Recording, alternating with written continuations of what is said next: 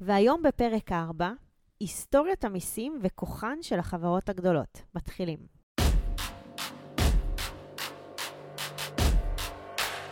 ברוכים הבאים למדברים השקעות עם עמית ואגר.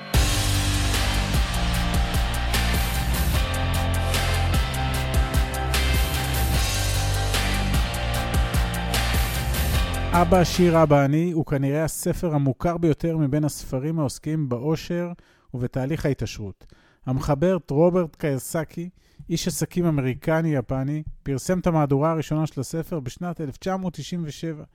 מאז יצאו לאור עשרות מהדורות נוספות בתרגום לשפות רבות.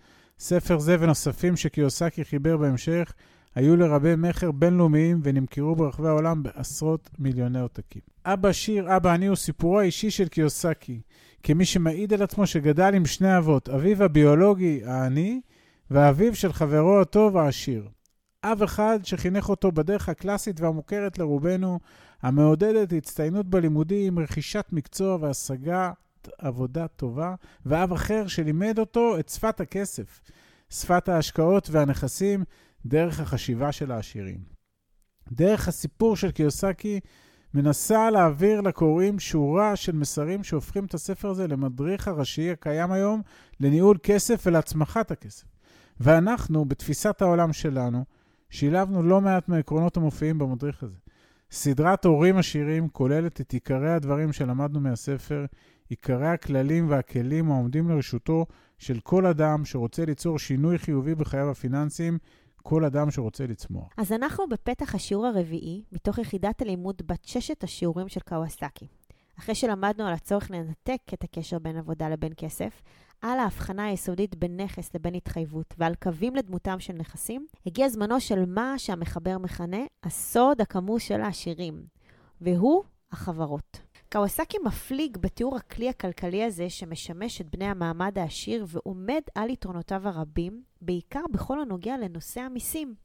הוא מספר גם על השיעור ההיסטורי שאביו העשיר, שתפס את עצמו כמומחה בהיסטוריה של המיסים, התעקש ללמד אותו ואת חברו בילדותם, כמבוא הכרחי להבנת כוחן של החברות. ואם אבא עשיר אומר שמדובר במבוא הכרחי, מי אנחנו שנתווכח? עכשיו אנחנו נביא לכם את תמצית המבוא החשוב והמעניין הזה, כדי לדבר על המיסים והחברות בפרספקטיבה היסטורית. המבוא מתחיל בדמותו של רובין הוד, או יותר נכון ברעיון שרובין הוד קידם, העשירים צריכים לממן את העניים.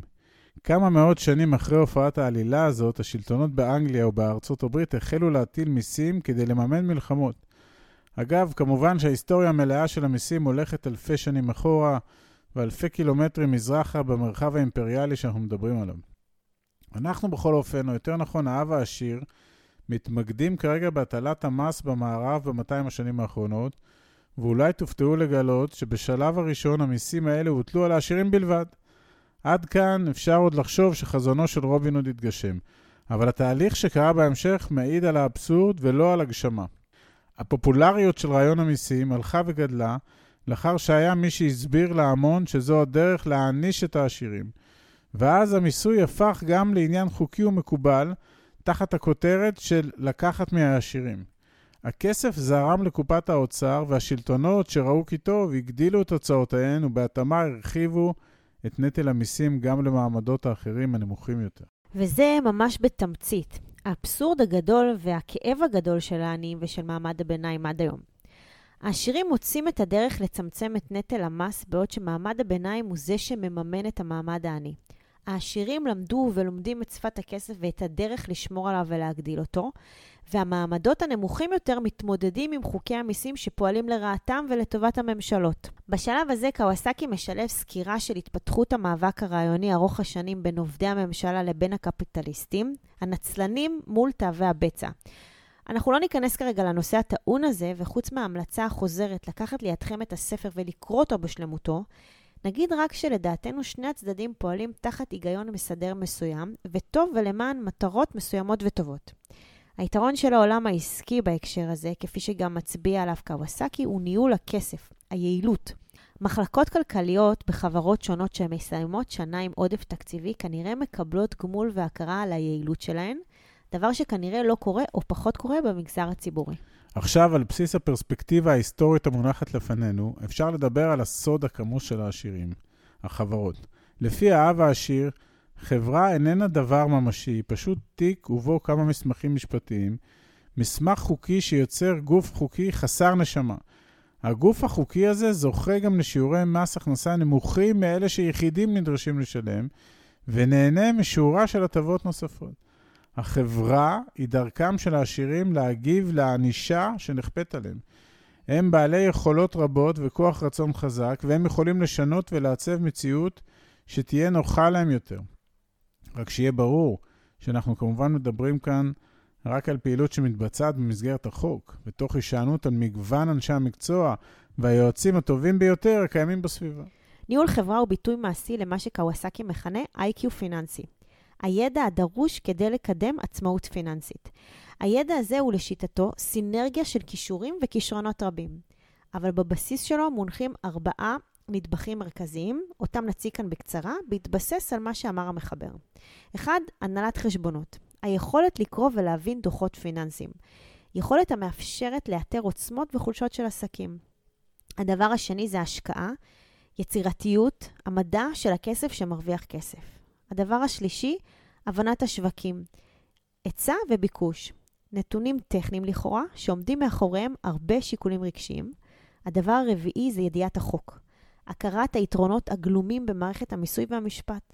חברות מרוויחות מוציאות כסף ורק אחר כך משלמות מיסים על היתרה. ושכירים לעומתם, קודם כל משלמים מיסים וצורכים בהתאם למה שנותר מהמשכורת שלהם. בתחום המשפט, החזקת חברה היא סוג של הגנה מפני תביעות. היא ישות שהאדם עצמו עומד מאחוריה, ולכאורה לא מחזיק בנכסים שלה. ולכן הוא לא חשוף לאיומי נושים. בשורה התחתונה, כולם כפופים לחוק, כולם משלמים מיסים, אבל העשירים יודעים להתמודד עם נטל המס טוב יותר. הם עושים את זה באמצעות הידע הפיננסי שצברו, שמתלווה לכסף עצמו. באופן קונקרטי יותר, החברות שהם מקימים מספקות להם הטבות כספיות והגנה משפטית. אפילו וורן באפט התייחס פעם לנושא הזה ואמר ששיעור המס שהוא משלם נמוך מזה שמשלם את המזכירה שלו, שמשתכרת הרבה פחות ממנו. יש הרבה מה ללמוד על הסוד הכמוס הזה, שהוא אגב גלוי לכל, ממש אוקיינוס של ידע ותובנות שכדאי לחקור. אנחנו מזמינים אתכם להצטרף אלינו למסע של הכרה, של למידה ושל מעשים. היכנסו לאתר שלנו וקבלו יריעה רחבה של ידע העוסק בבניית החזון, בתכנון היעדים ובנקיטת המהלכים שיקדמו אתכם לעבר החופש הכלכלי. תודה. ורוצו לפתוח חברה.